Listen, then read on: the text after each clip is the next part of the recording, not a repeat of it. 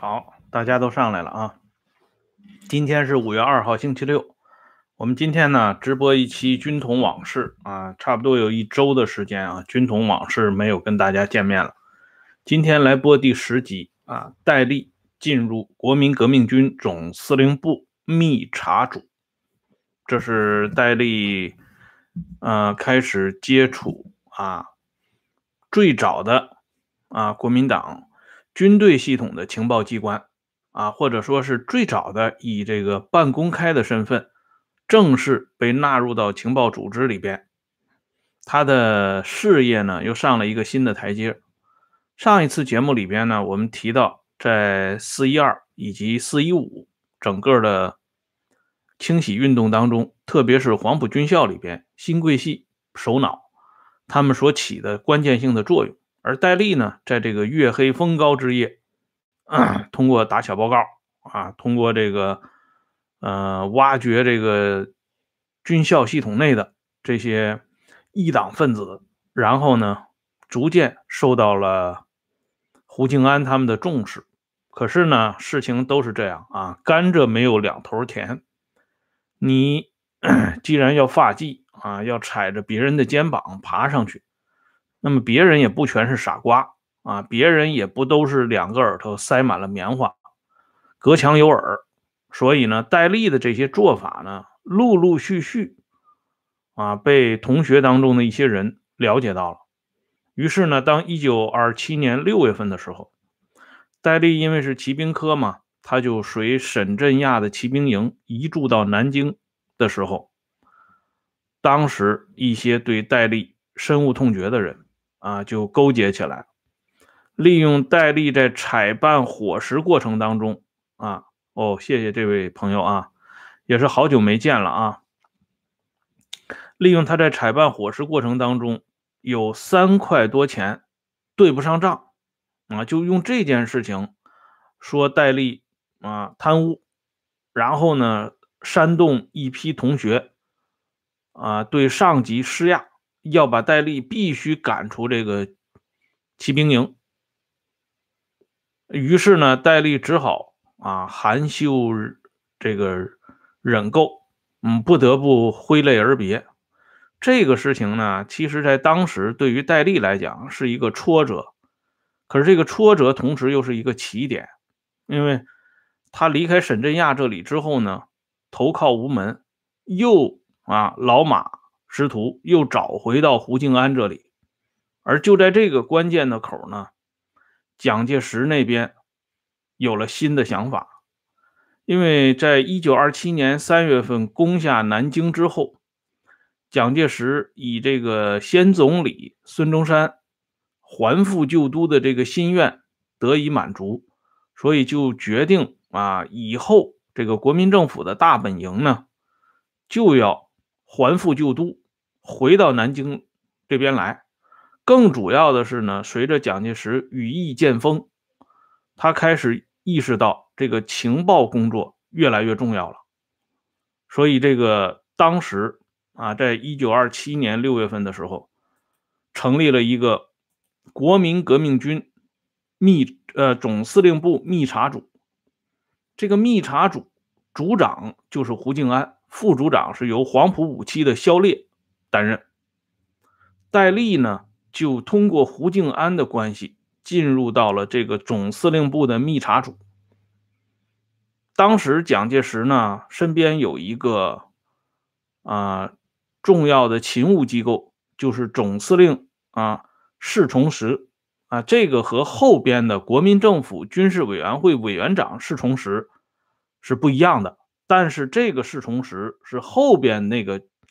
啊，权倾天下的侍从室的滥觞，而在侍从室里边，他挑选了几个重要的人物，啊，作为搭建这个密查组的骨干力量。胡静安呢，那个时候一开始还没进入到蒋的眼线当中，正是由于啊，同学里边推荐说胡静安在军校搞得有声有色，啊，所以蒋介石呢就把胡静安找了过来。在密查组里边呢，设了几个啊部门，这几个部门呢，分别是总务股、侦缉股和审讯股这三个部门。一九二七年八月，这个密查组呢，啊解散啊。一九二六年六月成立啊，一九二七年八月解散。这样呢，戴笠在这个密查组当中呢，整个就待了半年多一点的时间。密查组的地点设在南京老虎桥二十七号的一个院子里，这个院子啊非常不起眼。从外边看呢，就是一个普通的住宅区，但谁也没想到啊，这里边诞生了日后啊令大家谈虎色变的复兴社特务处处长，以及后边的军统局副局长戴局长戴笠。当时跟戴笠在真迹谷里边有一个同甘苦共患难的啊朋友，就是哥们儿吧，此人叫东方白。后来呢，担任过重庆市啊警察局稽查二处处长，再后来呢，担任过啊贵阳市警察局局长，少将军衔啊。东方白这个人呢，还属于那种啊啊喜欢这个讲经说法，还喜欢这个呃朝拜这个佛祖，这是一个啊等于说是这个。公开身份极具迷惑性的这么一个人，他和戴笠最早的关系就是在国民革命军总司令部密查组当中接下来的友谊。这个密查组啊，它的范围很广啊。首先呢，它可以侦缉这个国民党内部不同派系的情报，跟踪他们这些头面人物的行踪，同时呢。还要负责追查异党啊，包括中共方面，包括啊，就是邓演达他们那些没有成型的国民党内的反对派，包括西山会议派等等啊，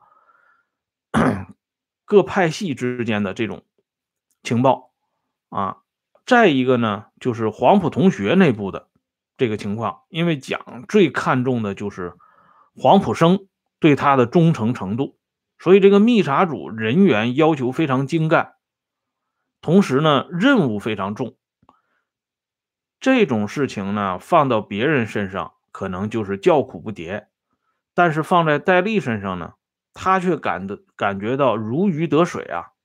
所以他在密查组工作期间，成绩是很明显的。最重要的一点是什么呢？就是他开始啊。逐渐靠拢新兴的这个国民党，就是以蒋介石为首的这一派系的高层人物。最直接的例子就是说，他跟何应钦开始结交了啊，因为 戴笠的起家和他的好朋友王耀武的起家实际上是差不多的啊，因为我写过王耀武那本书啊，那里边也好多处都提到戴笠。啊，王耀武和戴笠的关系非常好。王耀武也是攀着何应钦这啊这棵大树上来的。因为一般来讲啊，想直接跟蒋介石发生关系，这不太容易啊。通常呢，国民党内很多人物都是通过跟何应钦的关系，包括像后来的顾祝同、刘峙啊，他们这些人物也都是因为跟何应钦关系非常好，才逐渐呢。受到蒋的栽培和重视，最终呢跻身到国民党上层里边。他跟何应钦是怎么结识的呢？这里边就是跟这个密查组本身，他这个任务有直接的关系。当时戴笠呢，他是主要收集一些啊这个大大小小的情报，不厌其烦呢给这个蒋介石送过去。啊，自然呢，他要接触蒋介石身边的人。蒋介石当时作为国民革命军总司令，他身边有四个人是得罪不起的，号称四大护法，就是王世和、毛庆祥、蒋和畅和蒋孝先。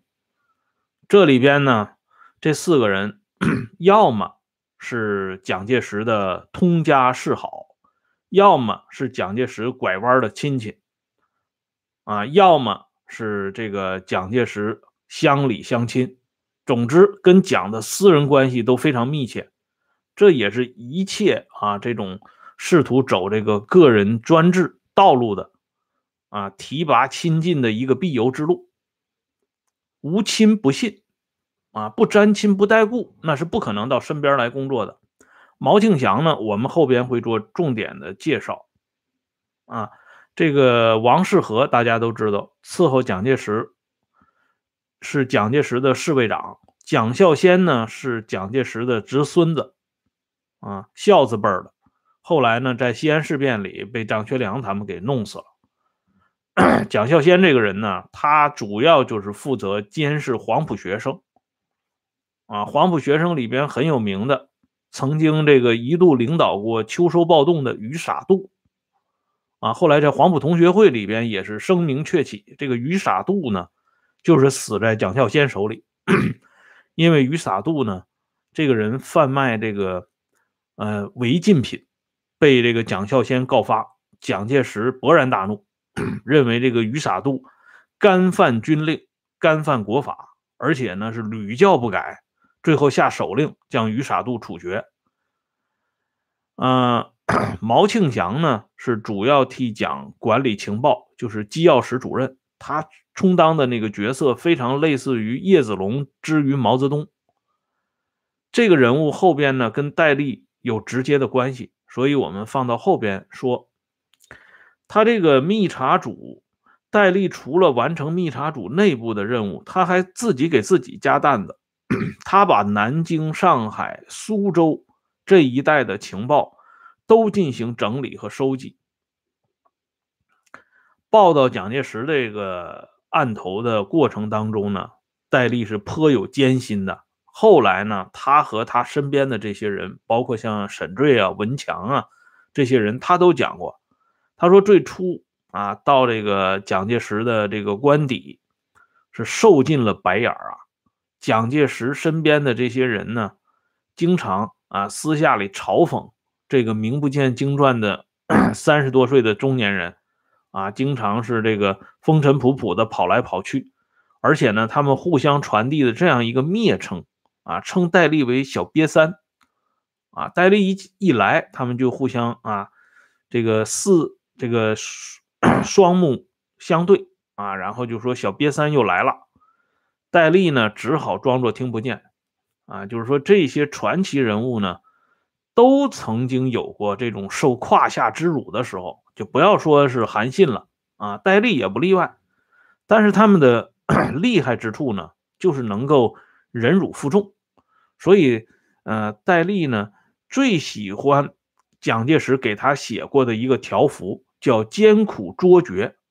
啊，他屡次向自己的部下讲述这个条幅内在的含义。他说：“我们这些搞情报工作的，搞内部工作的。”就是要担得起这四个字：艰苦卓绝，啊，在绝境中奋发，在绝望中抓住一切可能抓住的机会，啊，戴笠本人也是这样嘛。而这个密查组呢，查来查去，啊，抓了一些人，杀了一些人，引起国民党内部的一一些高层人物的侧目。首先，像这个。支持清党的国民党元老四大元老之一的吴志辉就对这个密查组特别不满意，认为你这个密查组呢是个非驴非马的这么一个机构，你有什么资格啊暗中去抓人去杀人呢？就向蒋介石提出过异议，所以这个时候呢，蒋介石啊也比较为难，他既要维持这么一个秘密情报机关，同时呢又要兼顾。外界的舆论，更主要的是呢，这个时候黄埔生内部呢开始有了一些分裂的迹象。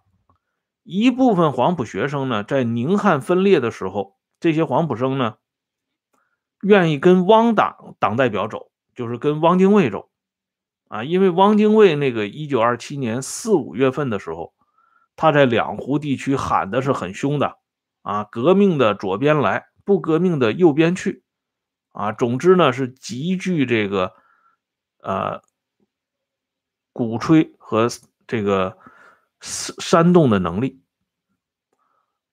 而宁方这边呢，呃，不仅要遭受来自汉方的压力，同时像冯玉祥他们北方这个压力也是实实在在存在的。所以在密查组内部，有一些黄埔同学就准备效法荆轲刺秦王的办法，直接把汪精卫搞掉。他们当时呢联络的是黄埔同学会纪律科科长刘伯龙。这刘伯龙呢是啊 蒋介石一度很欣赏的黄埔学生。这个人啊，在这里啊，我简单跟大家介绍一下。为什么介绍他呢？因为他和戴笠早期的发迹有直接的关系。这个刘伯龙啊，这个人的照片，大家通过上网就可以收到，戴一个眼镜。啊，文质彬彬的这么一个人，完全看不出他内在所所有的这种特殊的杀气。其实这个人啊，下手比较狠。啊，别看他这个长得像个白面书生，杀伐决断，一点都不缺。当时刘伯龙积极参与，就是刺杀汪精卫这个事情呢，就被戴笠给了解到了。戴笠把这个事儿赶紧向胡静安进行汇报。他说：“这个事儿不能搞。”啊，胡静安就问他为什么？他说：“如果现在我们动手去刺杀汪先生，这等于说是给校长添堵，啊，授人以口实。因为现在不说普天同判，差不多也是各派的力量都把矛头对准这个校长。”啊，在这个时候，如果我们这个莽撞行事，真的做出了对汪先生不利的事情，那么情况只会变得更糟糕。胡静安一听呢，哎，戴笠这个人啊，脑子很清楚，但是呢，胡静安这个事情他又做不了主，他又找不到蒋介石，怎么办呢？他就领着戴笠去见何应钦，因为这个时候呢，何应钦主持全局工作。找到何应钦以后，他把戴笠引荐给何应钦。应该说，胡静安这个人，说实话，这个人没啥心眼儿的啊。这如果是换做其他任何一个人啊，有点这个心心术的话，他不会轻易把这个坐享其成的功劳让给手底下的这么一个啊小人物啊。但是胡静安这个人，这个时候啊，心胸还挺豁达的。他就很正常的把戴笠介绍给了何应钦，把戴笠要说的话呢，又给何应钦重复了一遍。哎，何应钦马上就意识到，这个小角色啊，这个叫戴雨农的人，哎，是一个挺有意思的人啊。别看这个人啊，啊，在这个黄埔同学当中啊，完全是一一粒沙子，可是这个沙子现在呢，闪出的光呢，已经很夺目了。他能够啊见微知著，看到这么一个问题，所以何应钦就把这刘伯龙找来训斥一番。哎，何应钦为什么找刘伯龙训斥呢？因为刘伯龙也是靠着何应钦上来的，而且他是何应钦的贵州老乡啊，都是贵州人。这刘伯龙呢，也不是一般人，他事后就打听说谁在啊。何教育长面前，他习惯于管何应钦叫教育长啊。他说：“谁在这个何教育长面前啊给我下屈？”后来查来查去，一查，居然是胡静安和戴笠这两个货色。所以刘伯龙就此恨上了戴笠，而戴笠呢，对刘伯龙也没啥好感。戴笠生前曾经做过结论，他说：“刘伯龙这个人啊，将来。”哎，一定是要充当反骨的啊！戴笠在一天，我戴雨农在一天，刘伯龙不敢造次。戴笠如果不在了，不看好这个人，将来他要捅娄子的。戴笠的这番话呢，没白说啊！日后呢，刘伯龙的下场真的是应了戴笠的这个预言啊！不妨呢，现在我们把刘伯龙后边的事情呢，提前给大家说一下。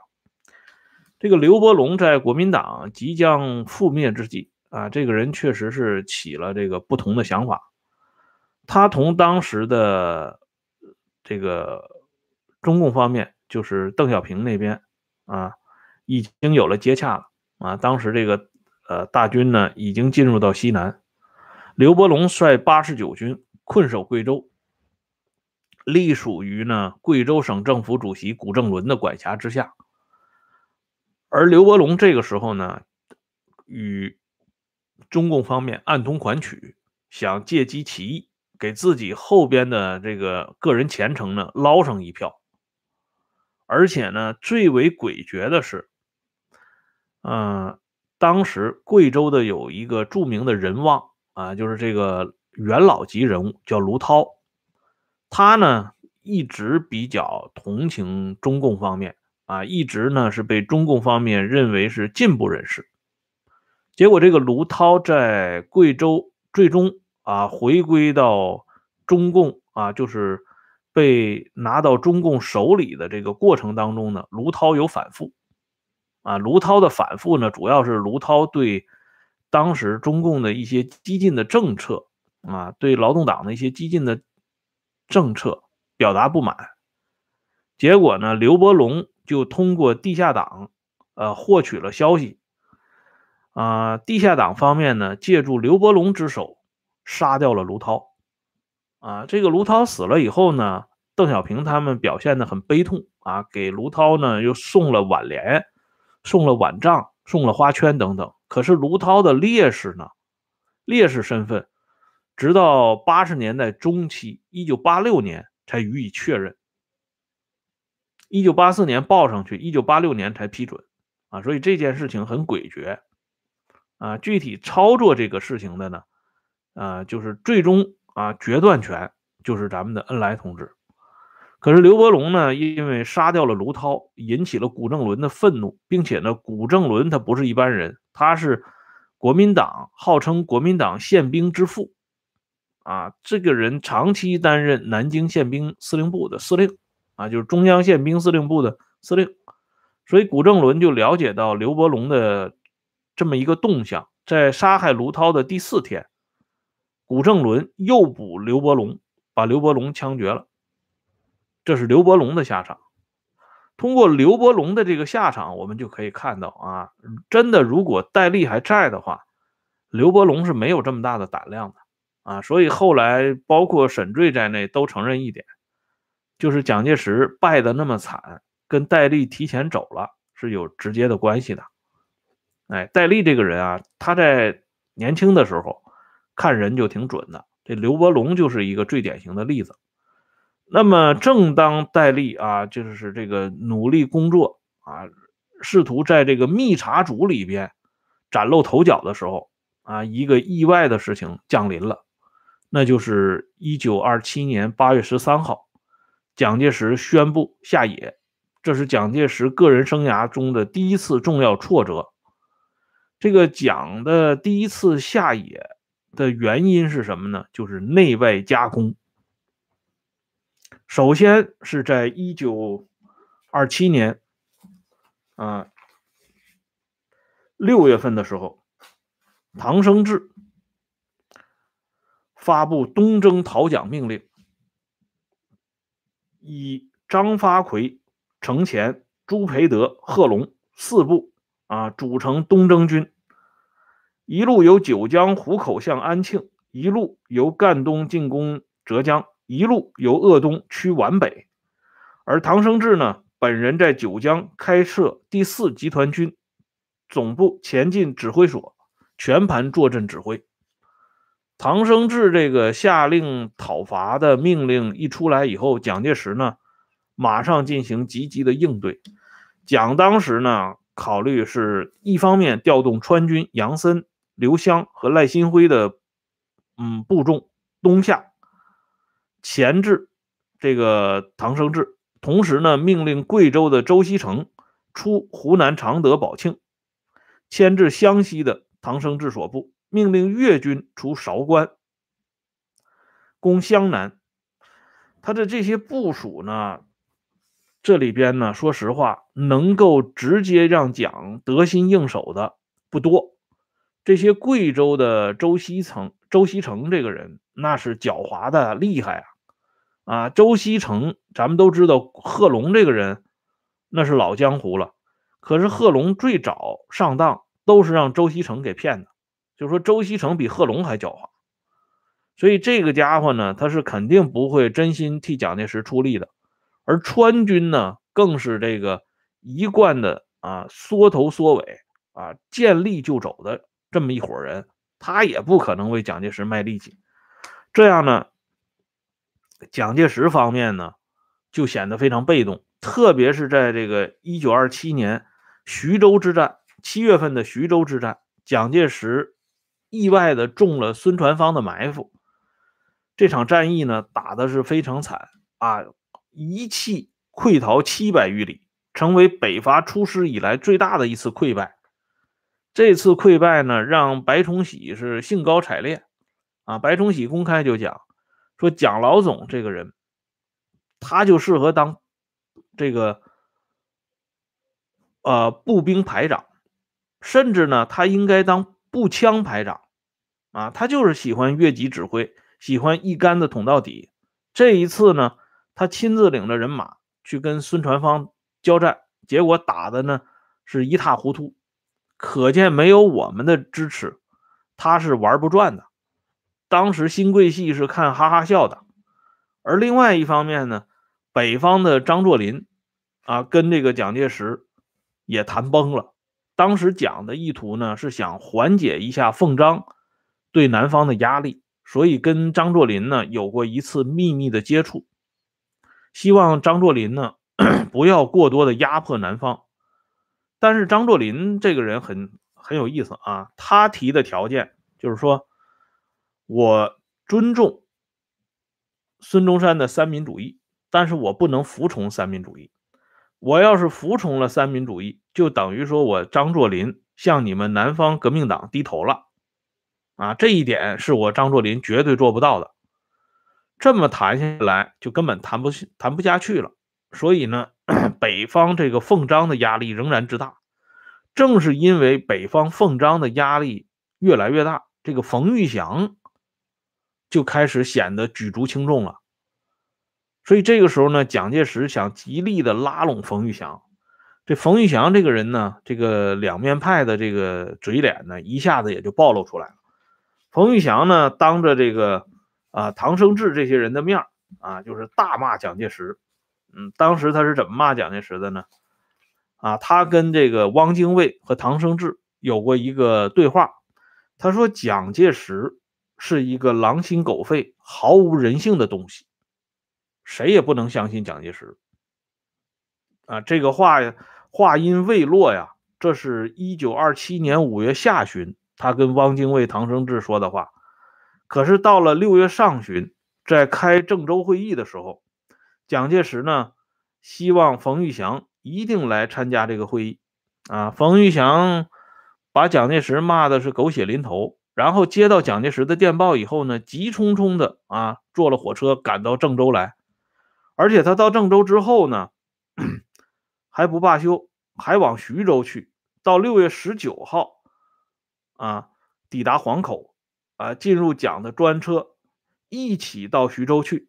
到徐州近郊的九里山路这个火车站的时候呢，蒋介石啊率这个胡汉民、张静江、吴志辉、蔡元培、李烈钧啊等等这国民党方面宁方的这些大员们倾巢出动，欢迎冯玉祥。结果这个时候，冯玉祥对蒋介石是什么评价呢？啊，冯玉祥的原话是这么说的。他说：“蒋先生为革命国民革命军总司令兼第一集团军总司令，地位很高，而如此的谦卑，如此的周到，真是从学养中得来啊！说这个人素质太高了，简直是天生的啊！然后呢，他说，这是我们第一次的会晤，我见到蒋总司令的风采及言谈态度，无不使我敬慕。”大有相见恨晚之情啊！这段原话甚至被冯玉祥写进他晚年的回忆录《我的生活》这本书里边啊。就是说，冯玉祥这个人真的是啊，人家给他起个名叫“倒戈将军”，一点都不差。这老冯自己啊啊说的这些话啊，还有他做的这些事儿，如果一一罗列开来。你就会发现这个人啊，这个是属于这个人格严重分裂的这么一个人，所以他这种人为什么后来被这个周恩来看中啊，被郭沫若看中啊，也不是没有来由的。但是这一次呢，实际上冯玉祥是根本是到徐州捞好处的，他不是想趟这道浑水。于是呢，蒋介石在这种内外重重困顿之下，不得不宣布下野，以退为进。他在下野的时候呢，就宣布把这个国民革命军总司令部密查组解散了，蒋呢发了两千元的遣散费，还发了一些手枪。让这些密查组成员呢各谋生路，当然不是说任期这个啊猢狲散去，而是各自都给安排了一定的出路。